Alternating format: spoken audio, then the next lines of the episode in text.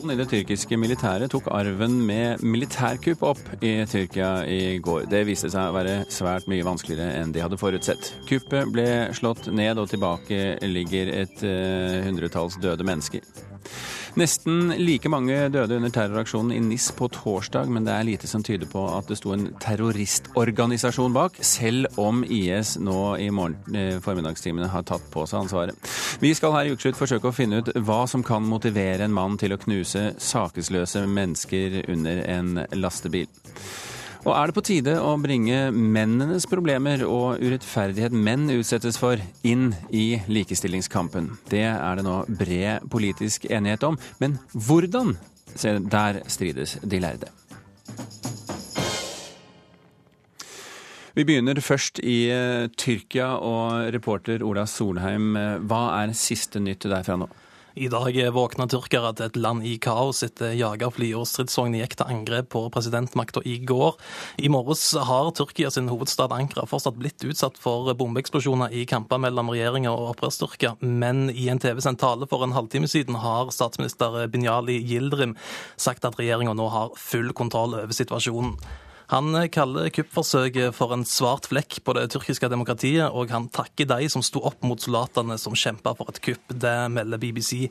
Han bekrefter òg at politiet og deler av militæret som er lojale mot Tyrkias president Erdogan, han, de har arrestert over 2839 soldater og offiserer. De bekrefter òg at minst 161 er døde og 1440 er skada.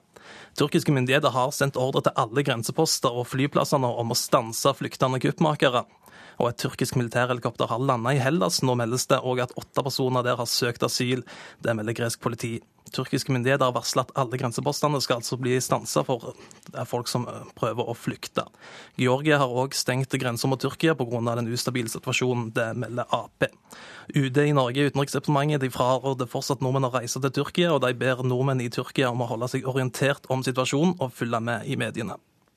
Ola Solheim, du følger denne situasjonen for oss utover denne timen i ukeslutt. Um, men vi skal selvfølgelig fortsette med Tyrkia. Og Kristin Solberg, Midtøsten-korrespondent for NRK med base i Istanbul.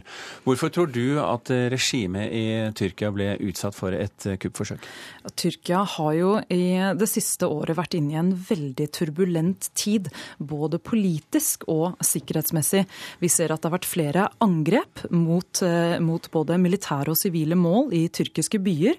Angrep som er eh, hvor, hvor, hvor både IS og militante kurdere har eh, blitt, eh, blitt utpekt som syndebukker.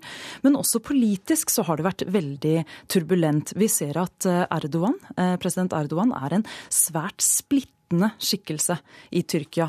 Han er enten elsket eller hatet, og skillet går omtrent midt på. Det, det Eh, men det som har skjedd det siste, siste, året, er at han er blitt enda mer splittende. Altså de som, de som misliker han, de misliker han enda mer.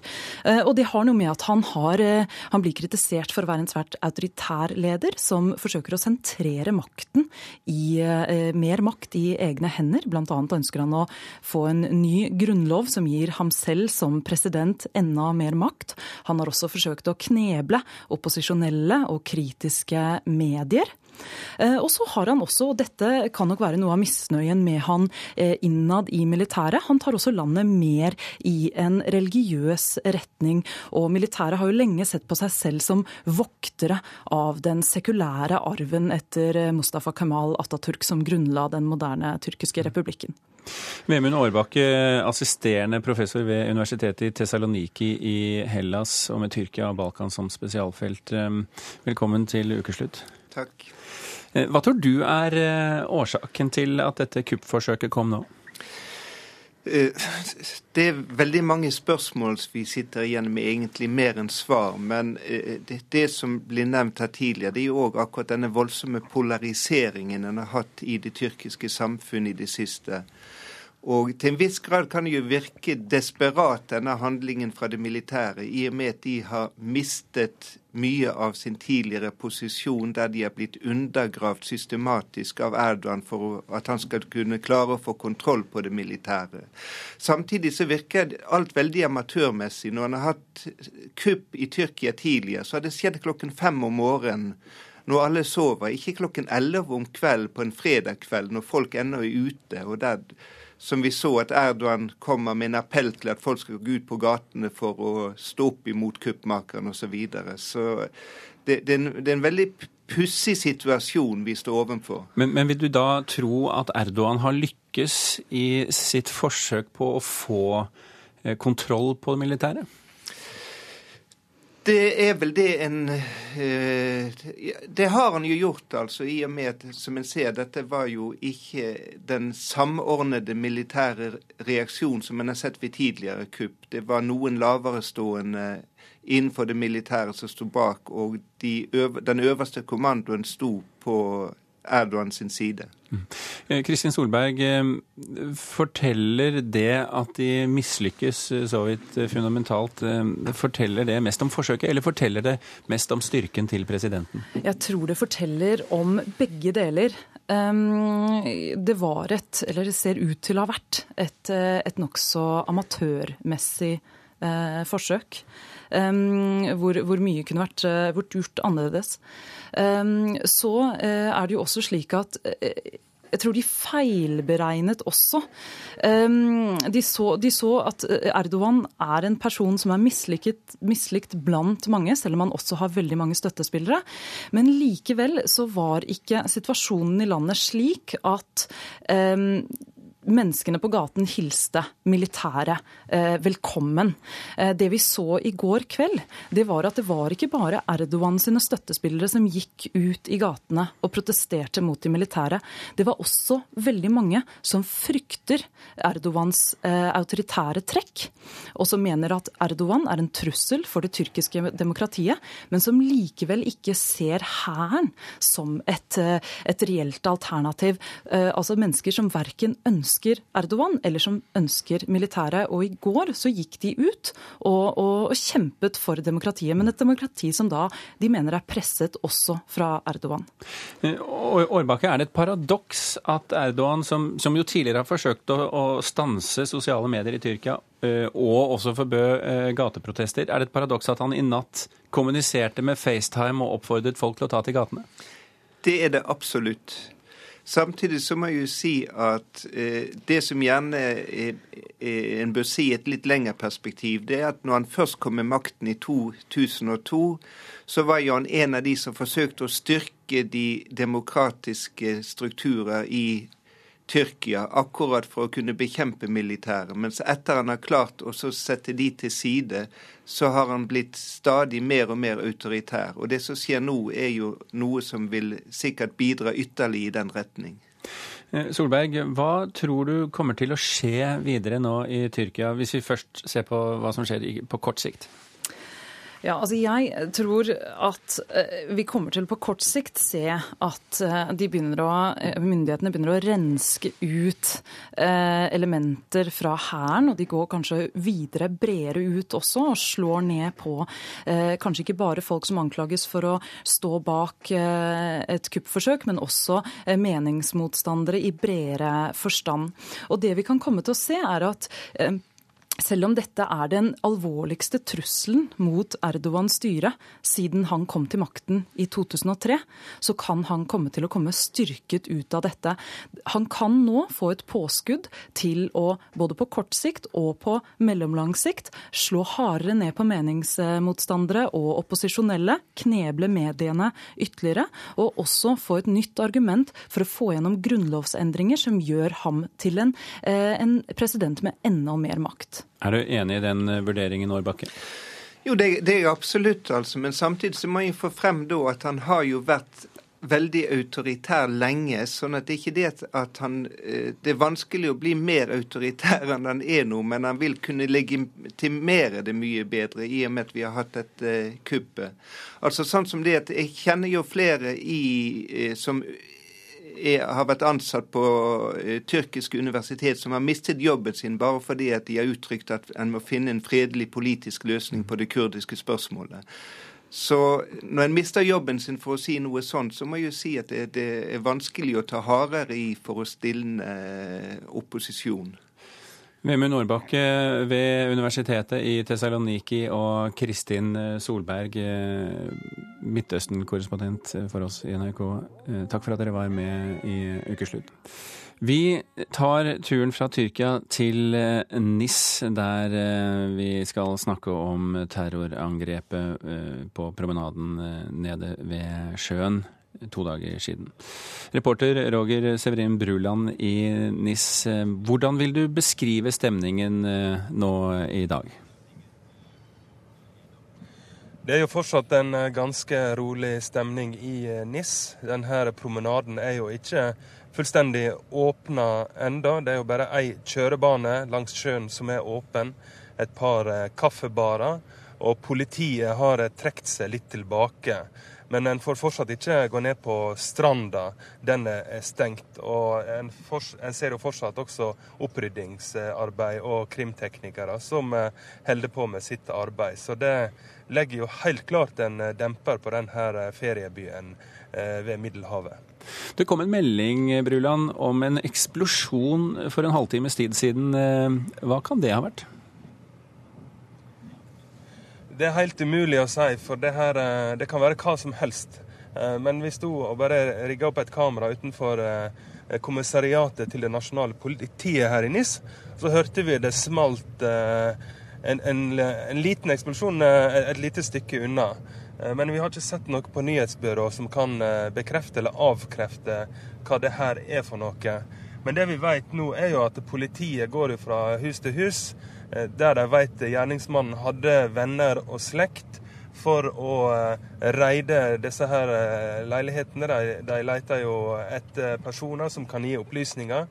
Og de leter jo også etter mulige eksplosiver eller, eller sånne, sånne, ting som en leter etter nå for å finne svar på hva som ligger bak denne ugjerninga som skjedde på den franske nasjonaldagen. Men er folk i, i NIS og, og, politiet spesielt litt på tå hev? Absolutt. Her, eh, nå er vi på vei opp eh, Vi sitter i bilen og kjører opp eh, i, i den nordlige delen av NIS, disse her arbeiderstrøka. Og vi ser jo politibiler med sirene stadig vekk Eh, kjørende fram og tilbake. Så, men det er jo litt som å lete etter nåla i høystakken. Altså, 95% av, av NIS er det jo bare vanlig dagligliv, og så er det disse her små lommene der politiet aksjonerer. Og det kan jo skje eh, hvor som helst. I dag eh, var det vel eh, tre personer som eh, har blitt eh, arrestert etter politireid, og nå sitter jo til sammen fem personer i avhør. Så nå er vi på vei opp til et sted der eh, nær bekjent av gjerningsmannen eh, bodde, og ble eh, i dag arrestert for å se om kanskje vi kan snakke med noen naboer der oppe. Men hva, Men, er, det, hva er det siste vi vet? Hva er det siste vi vet om etterforskningen av Bruland? Nei, Det vi vet, er jo nå at eh, IS eh, på sine eh, kanaler har sagt at, at de tar på seg skylda for angrepet. Og det sier oss egentlig veldig lite, for det kan jo være sånn som vi husker i Orlando. Der ble det jo spekulert i om IS tok på seg ansvaret i ettertid, og at motivet til gjerningsmannen var homofobi. Eh, det vi vet om gjerningsmannen eh, her i NIS, er at eh, naboer sier han var fortvilt etter ei opprivende skilsmisse. Muligens var det i psykisk ubalanse. Så spørsmålet som alle stiller seg her, er jo om det her var en person som var radikalisert, som handla på ordre av en eller annen islamistisk organisasjon, eller om det var en person som var inspirert av islamisme, eller om det bare var en eh, person som var psykisk ustabil, eh, som eh, var da muslim, og som da i ettertid IS har benytta muligheten til å ta på seg da i gåsetegnene æren for det angrepet, fordi det passer inn i deres ideologi og filosofi. Roger Severin Bruland, takk for at du var med oss fra NIS i denne omgang. Og det kommer vel flere rapporter fra deg utover dagen, eh, tenker jeg. Og akkurat nå så sitter vår kollega Marie Roksund fra NRK Telemark på flyet på vei til NIS. Det er to ukers ferie som ligger foran henne der.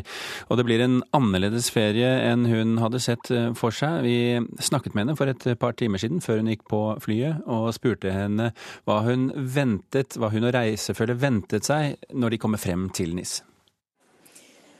Nei, det er jo vanskelig å si. Det er jo eh, en by og et land i sorg. Men uh, min tanke for å på en måte dra ned der, er jo først og fremst at man at det er viktig å leve som før. Uh, men det er jo selvfølgelig en helt forferdelig hendelse for de som er der nede, de som er glad i de som var der nede. Uh, men, og jeg tenkte faktisk på torsdag, før dette skjedde, at Åh, vi skulle bare reist ned på torsdag eh, på, på 14. juli, fått med oss det fantastiske fyrverkeriet, fyrverkeriet nede på promenaden der. Men uh, selvfølgelig, når det her skjer, så er man jo veldig glad man uh, var på trygg avstand. Men Hva tenkte du da du fikk nyhetene om terrorhandlingen nå på torsdag? Nei, man gjør seg jo mange tanker, og man tenker er det trygt? Er det riktig å reise ned der og på en måte kose seg på ferie eller sånn? Men men så, så, tenkte vi jo fort det at eh, det går jo an å kanskje reise til noen små nabobyer rundt de aller første dagene, og ikke på en måte vanke for mye nedi der hvor folk trenger å ha tid til å sorge og de tinga der. Men, men så man Vi jo være, eller vi skal være der i to uker, så vi får håpe at innen det så roer det seg, og at det er uh, viktig å på en måte leve som før, da. Men hva vet du om stemningen i NIS når du kommer ned dit senere i dag? Nede på promenaden der med blomsterhavet, og det kommer jo til å bli kjempesterkt. Og som jeg sa i stad, den kontrasten til hvordan det vanligvis er der. Jeg har vært i NIS før, og da er det jo sånn at man, man går nede på promenaden der med en is i handa og bare livet smiler. Så det kommer til å bli en kjempekontrast. Og det er jo forferdelig for de som har vært midt oppi det. Men øh, jeg vil jo ja, ned og legge ned noen blomster og ja, Men det kommer jo til å bli kjempesterkt å, å, gå der og tenke på de grusomme hendelsene som, som, og scenene som utspilte seg på torsdag. Ja, på hvilken måte tror du ferien vil endre seg for dere? Nei, det blir jo en ferie til ettertanke. Eller altså man, man det er jo en påminnelse for oss alle om at man må bare ta vare på de man er glad i, og leve livet. Og det blir jo rart i starten, det tror jeg. Jeg kjenner jo på en sånn liten sånn klump i magen, eller hva jeg skal si. Sånn, men, men, så tenker jeg sånn prinsipielt at NIS trenger, og, og folket i NIS trenger, og man, man må jo på en måte være med på å få livet opp og gå igjen. Ja, Det sa vår kollega Marie eh, Roksund før hun satte seg på flyet til NIS.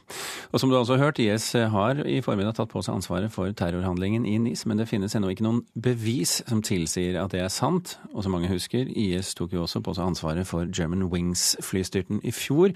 Så inntil videre er det lite som antyder annet enn at dette er udåden til én mann, en såkalt ensom ulv. Psykologspesialist Pål Grøndal, velkommen til ukeslutt. Takk. Hvem er de vi kaller ensomme ulver i dette perspektivet? Det er i hvert fall en veldig beroget gruppe, som ikke består av én bestemt profil. Eh, jeg tror det eneste kjennetegnet vi kan si at det er menn. Eh, så godt som 100% er menn. Jeg tror ikke jeg har funnet én en eneste massedrapskvinne, hvis vi da definerer massedrap som en person som tar livet av fire eller flere på samme tid og i samme handling. Det er litt sånn i motsetning til seriedrapsmenn som, som, kan ta livet av én eller to, og så kjøler de seg litt, og så går de ut igjen, og så tar de livet av flere eh, suksessivt med litt tid imellom. Massedrapsmenn gjør det i nær sagt én sveip, da. Mm. Sånn. Du, du, du, sier at det ikke er mer enn menn, men det er vel ikke glade, funksjonelle ø, ø, besteborgere vi snakker om her? Det er vel egentlig der vi kan være helt enige. Dette er jo ikke sunne, harmoniske, godt sammenskrudde mennesker.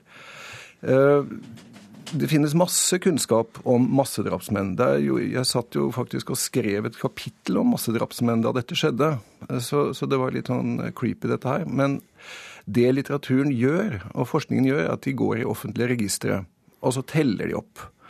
Hva vet vi at avisen har skrevet om disse her? Og Så går de løs på aviser, databaser, og så finner de ut at jo, eh, av et utvalg på la oss si eksempelvis 37, en studie hadde 37, da fant de ut at eh, ca. 25% hadde muligens kanskje på en måte vist psykotiske symptomer.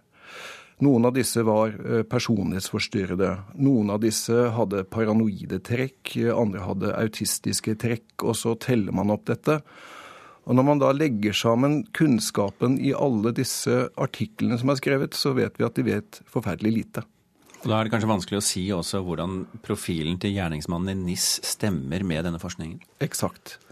Man kan i etterpåklokskapens lys si ja, han var jo en ung mann.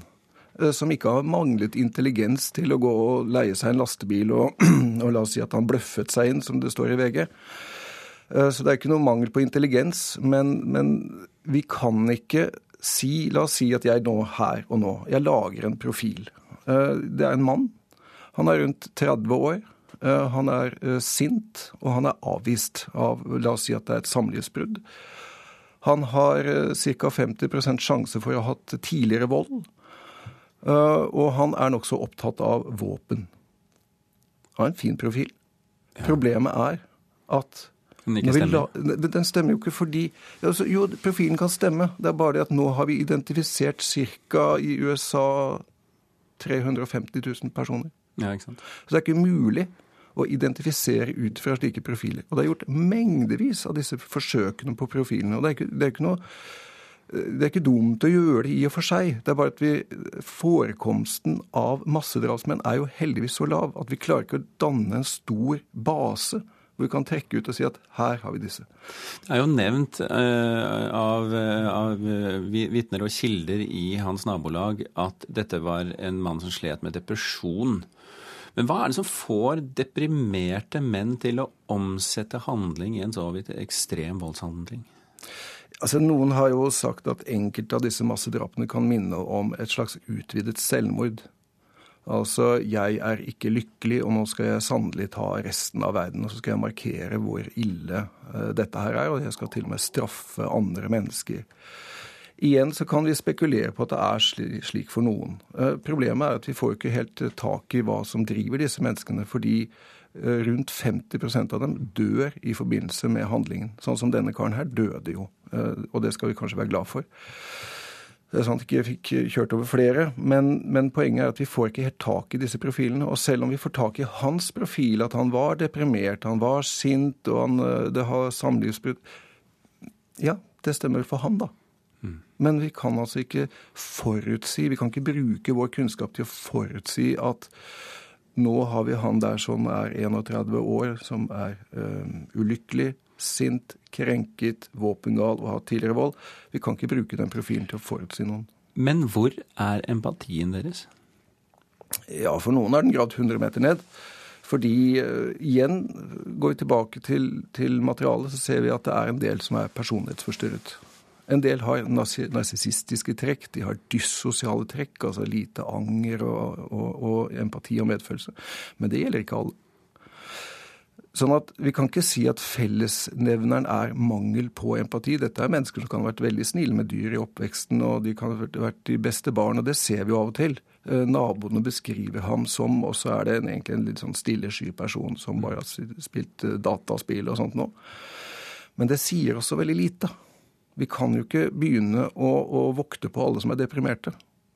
Det eller spiller dataspill. Eller spiller dataspill, eller hører på gothmusikk, eller er sortkledd. Men, det, men betyr det da at det er ingenting samfunnet kan gjøre for å verge seg mot uh, slike gjerningsmenn? Det er veldig lite, tenker jeg. Det er veldig lite vi kan gjøre. Altså, jeg tror vi, Hvis vi skal gjøre noe, så må det jo være at vi på generelt grunnlag bruker vanlige risikovurderinger, hvor, hvor vi har kjente variabelsett, og hvor vi vurderer det opp imot eh, det vi kaller dynamiske risikofaktorer, altså miljøet her og nå, hvordan står det til med, med psykisk helse osv. Men det vil aldri kunne forutsi hvem det er som vil gjøre det. Da må vi nok gå litt tilbake til eh, dette med integrering, eh, miljø i skoler, hvordan man fanger opp mennesker som faller utafor enhver sosial sammenheng. Altså I skoler så er det skoleskyttere vi har falt utenfor på en eller annen måte. De er mobbet, og de er sinte på karakterene osv. Så, videre. så har vi personer som er eh, innvandrere, som ikke føler seg tilpasningsdyktige nok i det samfunnet de faller utenfor.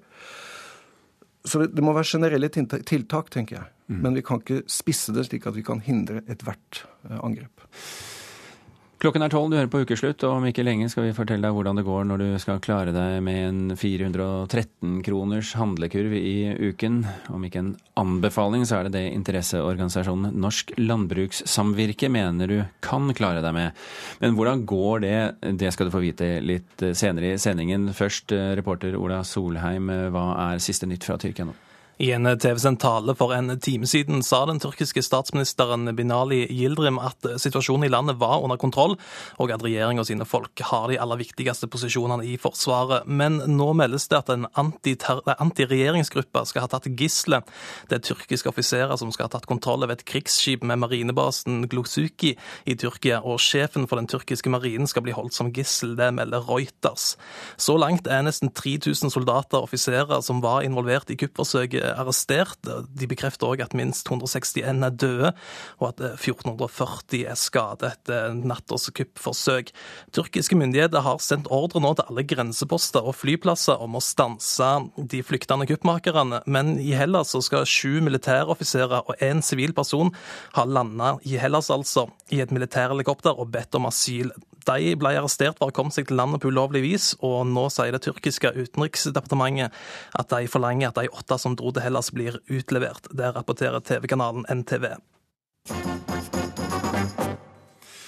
I mange år har det vært snakket om å få på bena en mannskamp for å balansere kvinnekampen. Faktum er at menn lever kortere enn kvinner. Flere menn enn kvinner begår selvmord. Flere menn sitter i fengsel. Flere gutter sliter på skolen.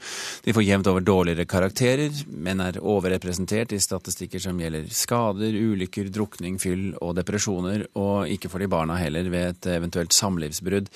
Alt dette beskrev forsker og sosialantropolog Runar Døving for over ti år siden. men lite har vært gjort siden. Nå er det derimot en stigende bevissthet i det politiske Norge, og denne uken kom Arbeiderpartiet frem fra tenkeboksen. Og nestleder Hadia Tajik, hva har dere kommet frem til når det gjelder menn og likestilling? For det første så mener vi at kvinnekampen og mannskampen de henger veldig tett sammen. Og Man ser det på flere områder. at f.eks. Eh, når, eh, når det er behov for å kjempe for å omfordele mulighetene for makt for damer, så det, handler det like mye om å eh, at menn har behov for eh, at vi kjemper for deres eh, rett til å kunne ha omsorg for sine egne barn. Det er to kamper som henger tett sammen. Begge deler handler om likestilling. Begge deler handler om både kvinnenes muligheter til å kunne ha det livet de ønsker, og menns muligheter til å kunne ha det livet de ønsker. Og vi tenker oss som så at eh, Da må vi lære av vår egen historie. Noe av det som har fungert for norske damer, er at man har turt å identifisere hvordan damer på en del områder knytta til utdanning, arbeidsliv, muligheter, har kommet dårlig ut, og at man har vært villig til å ta i bruk de tiltakene som trengs for at eh, norske damer skal kunne ha de mulighetene og den friheten som man har i dag. Og Det betyr at når vi ser på enkelte områder at menn kommer dårlig ut, enten det handler om rus, helse, skoleprestasjoner eller barnefordelingssaker, at man da må være villig til å se på hva er dette mønsteret eh, der menn kommer dårlig ut, og hva krever det av tiltaket fra vår side. Men, men Kvinnefrontens devise er jo at vi lever i et patriarkat. Hvorfor har det blitt slik at menn lever så dårlig dårlig i sitt eget patriarkat? Jeg tror nok at jeg ville brukt andre begreper for å beskrive dagens Norge. Vi ser jo på flere områder fortsatt at det er utfordringer knytta til det å være dame. Statistisk sett så er det jo sånn i gjennomsnitt eh, at òg eh, norske damer tjener 85 eh, kroner av den hundrelappen som menn tjener. Så det er jo behov for å fortsatt se systematisk på det. Men når vi ser at menn på område etter område kommer dårlig ut, så må vi gjøre det vi ville gjort for norske damer. Vi må se hva er dette mønsteret, hvorfor er det blitt sånn, hva er det det krever av politiske tiltak for å unngå dette. Heidi Nordby Lunde, stortingsrepresentant for Høyre. Er du enig med Tajik i problembeskrivelsen her? Ja, interessant. Jeg har sittet og nikket hele tiden, for jeg skrev også en kronikk om dette, om det svakere kjønn i VG i juni i fjor.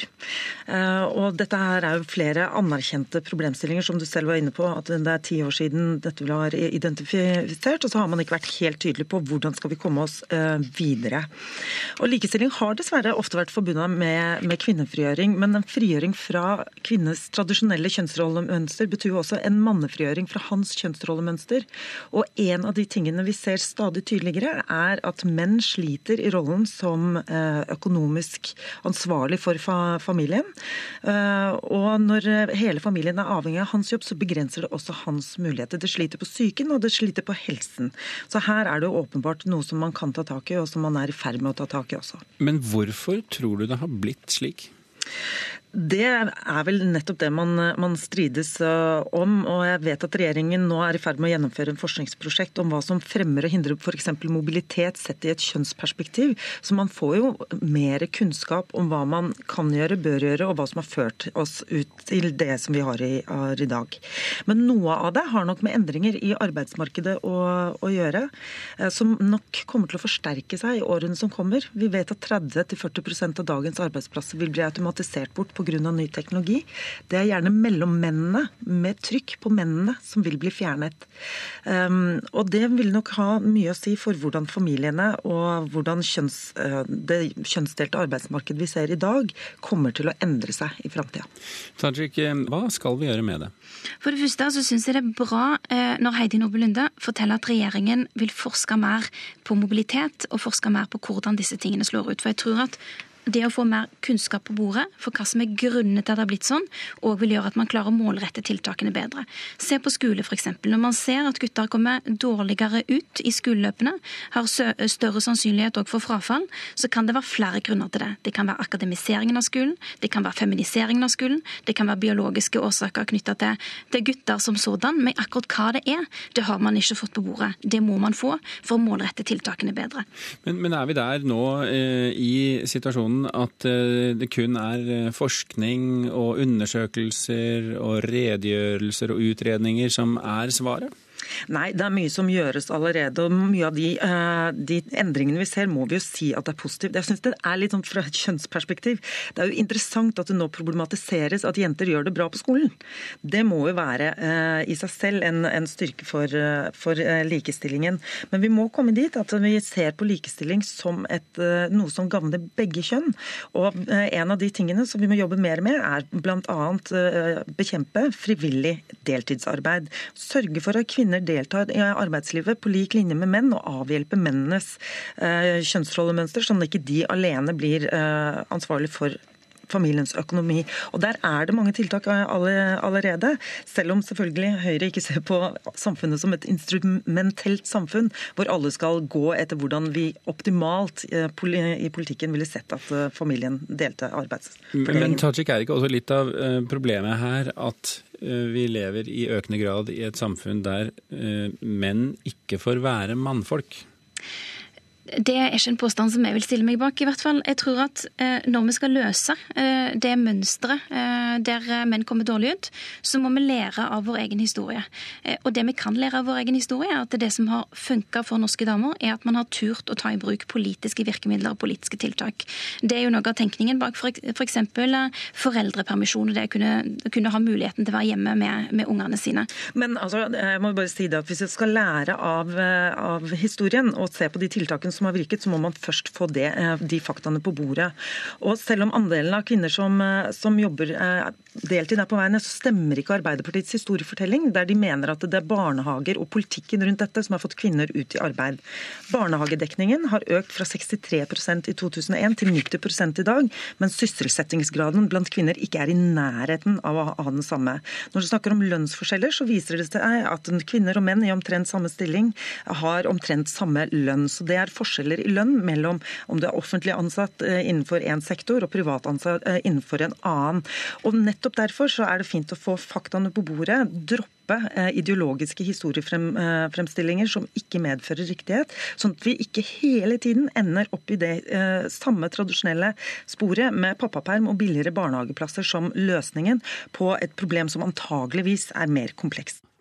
Mens nordmenn flest tror de må jobbe tre til fem timer for å få råd til mat som skal vare en hel uke, så er fasiten at man ikke trenger å jobbe mer enn én time og 25 minutter. Dette er i hvert fall hvis du skal tro på det interesseorganisasjonen Norsk Landbrukssamvirke sier.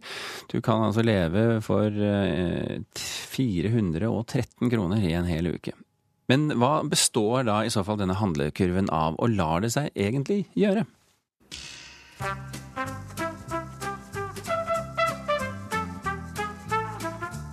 Siden 1984, da fjernsynskjøkkenet var regelmessig innom norske hjem, har Norsk Landbrukssamvirke sammenligna matprisene med lønninga vår. Og en rask spørreundersøkelse på gata viser at det kan stemme at de fleste tror maten er dyrere enn hva den faktisk er. Hvor lenge tror du man må jobbe for å kjøpe mat for én uke? To dager, kanskje. To åttetimersvakter eller noe sånt. At svaret er 1 time og 25 minutter for mat til ei uke, overrasker Pernille Forsberg Vogt og de fleste er nordmenn, ifølge den nye undersøkelsen. Ja, jeg tenkte at man måtte slite litt mer for uh, tilværelsen, da. Du klarer deg på 400, ja. men du vipper opp mot 800 til 1000, altså. Ja, det blir nok 1000 i uka, tror jeg. Det gjør det. Altså, du kan jo kjøpe forskjellige typer av alt her.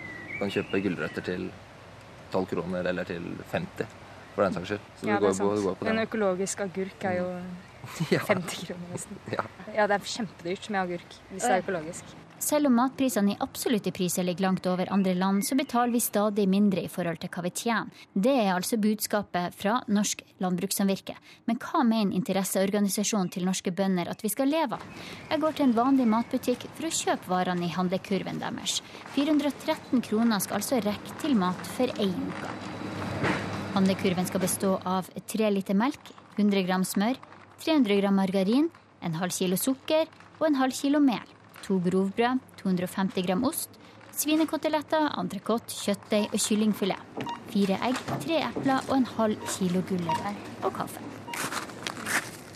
Ja, da er jeg akkurat eh, Da kom jeg ut av butikken og har tre veldig tunge handleposer. De er så tunge at jeg faktisk nesten ikke klarer å slepe de med meg. Så jeg er veldig, veldig spent på hva slags meny jeg skal få av eh, dette. Her ringer Odd Ivar Solvold, en kokk som selv har vunnet mange priser, og i tillegg coacha flere kokker til seier i det uoffisielle verdensmesterskapet på Cus d'Or. Hva syns du om denne sammensetninga? Det er en veldig gammeldags eh, sammensetning av måltidsforråd for meg iallfall så inneholder den lite av det jeg trenger hver dag. Og, og, og så stusser jeg på at uh, kanskje 25% av beløpet ligger rett og slett i smør, melk og sukker. Den prisbelønte kokken Odiver Solvoll savner i tillegg grønnsaker og fisk, og det som skal gi smak til maten. Altså det, det å bruke de 413 kronene og leve på en uke, det kan du kanskje klare. Men det å, å, å, balansere kostholdet ditt sånn som den kurven er sammensatt, det er jeg ikke så sikker på om kroppen ville tålt i det lange løpet. Den som spiser pølsemat og kjøttmat hele dagen,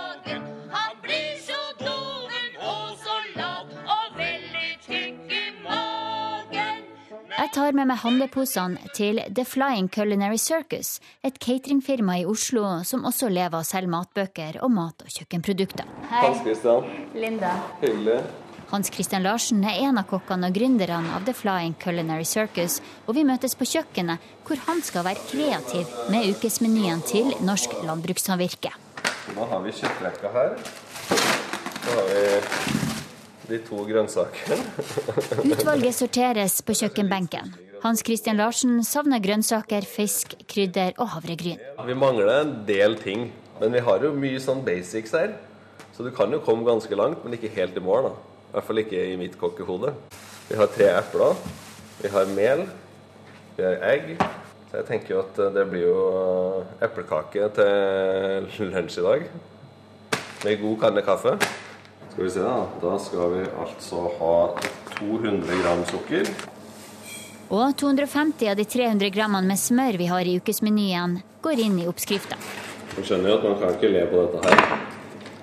Når hele smøret går i første kaka. Men det blir jo noen kakestykker, da. Det blir jo tolv stykker. Men du vet, til gjengjeld så kan jeg spise to eplekakestykker hver dag eh, seks av sju dager. Kokken Hans Christian Larsen har heldigvis bakepulver, kanel og mandler sjøl på lager. For det var det ikke i handleposene til Norsk Landbrukssamvirke. Så bare drysse litt ekstra sukker på toppen. Sånn. Da er det bare å sette seg ned, ta seg en kanne kaffe mens det her står i ovnen. Så blir det veldig bra.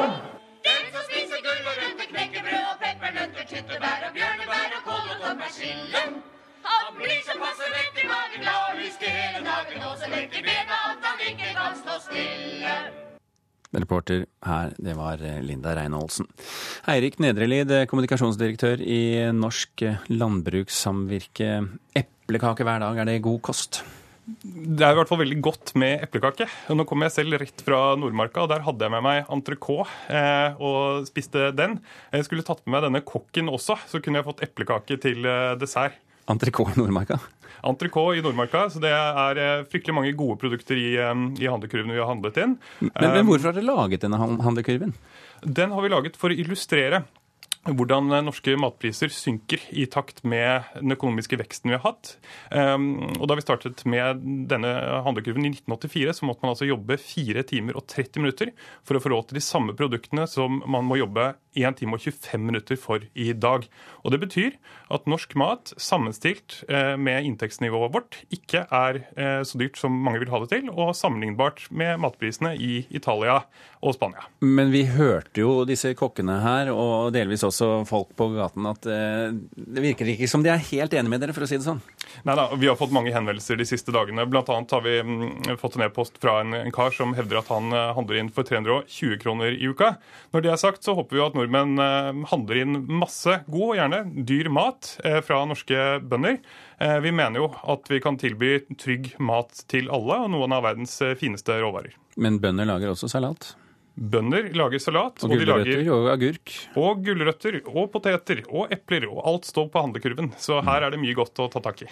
Håkon Riklis, samfunnsøkonom og, og, og deltaker i denne tankesmien Civita. Hva syns du om det kokken fikk ut av matkurven til landbrukssamvirket?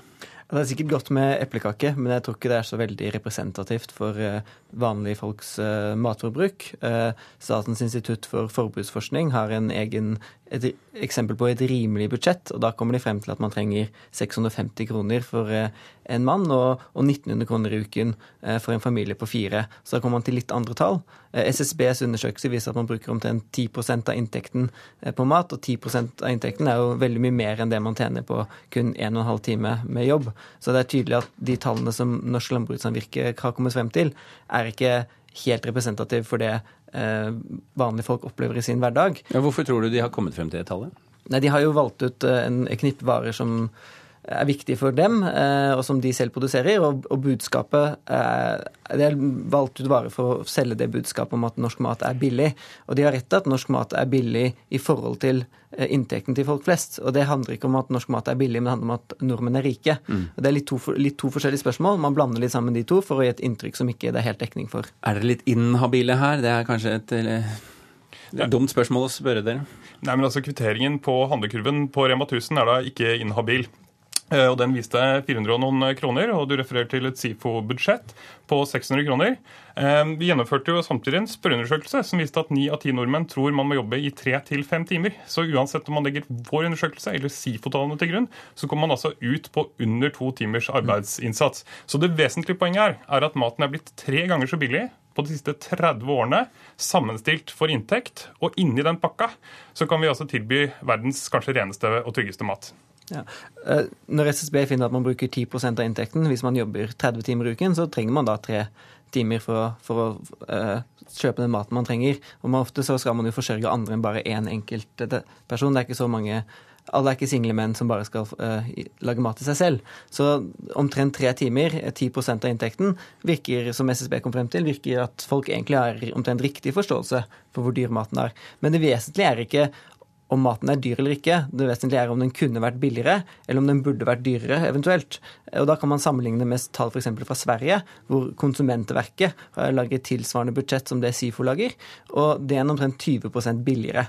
Og så vil eh, her svenskene også eh, dårligere råd enn eh, vi har i Norge, så de må også jobbe kanskje omtrent like lenge for å få råd til maten sin. Men vi kunne hatt svenske matpriser hvis vi hadde hatt en annen politikk i Norge. Vi, og det ville spesielt da gavnet de som har dårlig råd, som må jobbe lenge for å få råd til maten. Og Her traff det jo veldig godt, fordi Poenget er at undersøkelsen viser at vi jobber ikke lenger for maten i Norge enn man gjør i Sverige, i Italia, i Tyskland, i Spania osv. Det betyr at norske bønder har klart å kompensere for enorme geografiske ulemper, klimatiske ulemper, og klarer å tilby matprodukter til en pris som er sammenlignbar med den man får ellers i Vest-Europa. Det er ingen liten bragd. Og inni det så lykkes vi samtidig med å lage trygg mat. Altså, ta et eksempel på hva jeg mener med trygg mat. Altså, er det altså 50 ganger så lite antibiotika i norske matprodukter som det er i det tyske. Vi er altså eh, europeiske mestere. Vi vant EM i trygg mat eh, i 2016, som vi har gjort de siste årene. Eh, er det, er det, er det et uh, poeng her at det er likt for, mellom, mellom, de forskjellige landene? At, er, at, man betaler omtrent det samme for maten sammenlignet med lønnsnivå? Jeg syns ikke det er så veldig relevant. fordi eh, Hvis vi vår inntekt plutselig gikk veldig opp fordi oljeprisen gikk opp og vi hadde en god lønnsutvikling, så ville ikke maten reelt sett blitt billigere. Tilsvarende hvis vi ble eh, fattigere, så ville krone, eh, kronemessig prisen på maten være den samme. Så poenget er hva vi kunne fått til av matpriser hvis vi hadde hatt en annen politikk. og Det er det som debatten bør være. og Det er ikke noe vanskelig å si at vi kunne hatt svenske matpriser hvis vi f.eks. hadde tillatt mer import fra Sverige. og så vil jeg godt si at det at norske bønder har klart å produsere til samme, eller en pris som er 20% høyere i realiteten, det er ikke bare det at de har klart det, de har også fått subsidier på omtrent 14 milliarder i året, og noen av verdens høyeste tollbarrierer for å sørge for, at de skal kunne ha de prisene. Du skal få en kort replikk på det før vi gir oss. Eh, Nederli... Nei øh, Jo, takk. Ja, og nei, altså det, du, det, du, i realiteten anbefaler, er jo nedbygging av 47 000 gårdsdrifter og 40 000 industriarbeidsplasser, altså Norges største fastlandsindustri, i en tid hvor Norge står i omstilling. Vi skal gå inn i et grønt skifte, og vi trenger at, at Civita opptrer som en medspiller i å se etter de positive mulighetene norsk landbruk kan, kan tilby. Der måtte vi nesten gi en replikk til deg også, Riklus, helt på slutten. Jeg får si veldig raskt at det finnes alternativer som ikke nødvendigvis vil bety en hel nedleggelse av norsk landbruk. Det er ikke sånn at det, dagens system er det beste man kan få til, og det ikke finnes muligheter for reformer som kan gjøre norsk mat billigere og bedre,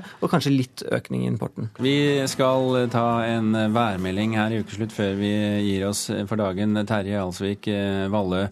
Jon Smits, din kollega, han sa denne uken at du vel så gjerne kunne titte ut av vinduet hvis du ville se hva slags vær det var, enn å høre på værmeldingen. Jeg er ikke helt enig i den. da. Det, det, spørs på situasjonen, men for den værmeldingen her kan man trygt høre på. Det blir iallfall mye skyer i landet i morgen, sånn stort sett i hvert fall. Og regnbyger de fleste stedene i Nord-Norge. Det er et lavtrykk som ligger oppe nå, sørger for mye skyer og regnbygersagt.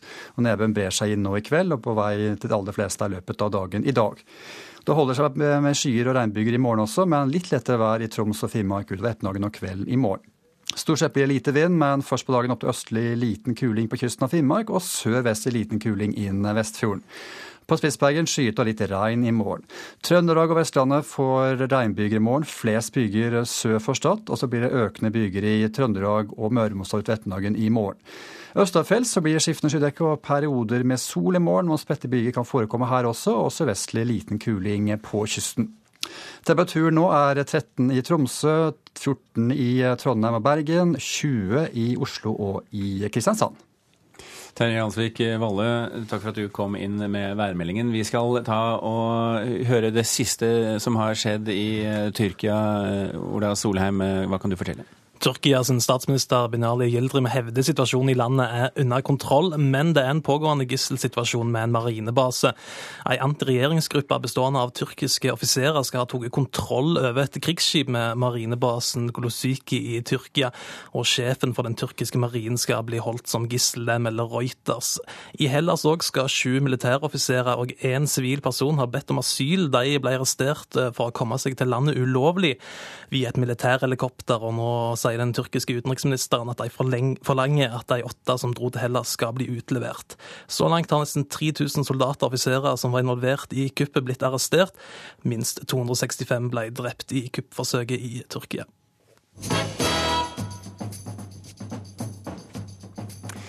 Det betyr at vi har kommet til eh, avslutningen eh, i eh, ukeslutt for i dag, 16.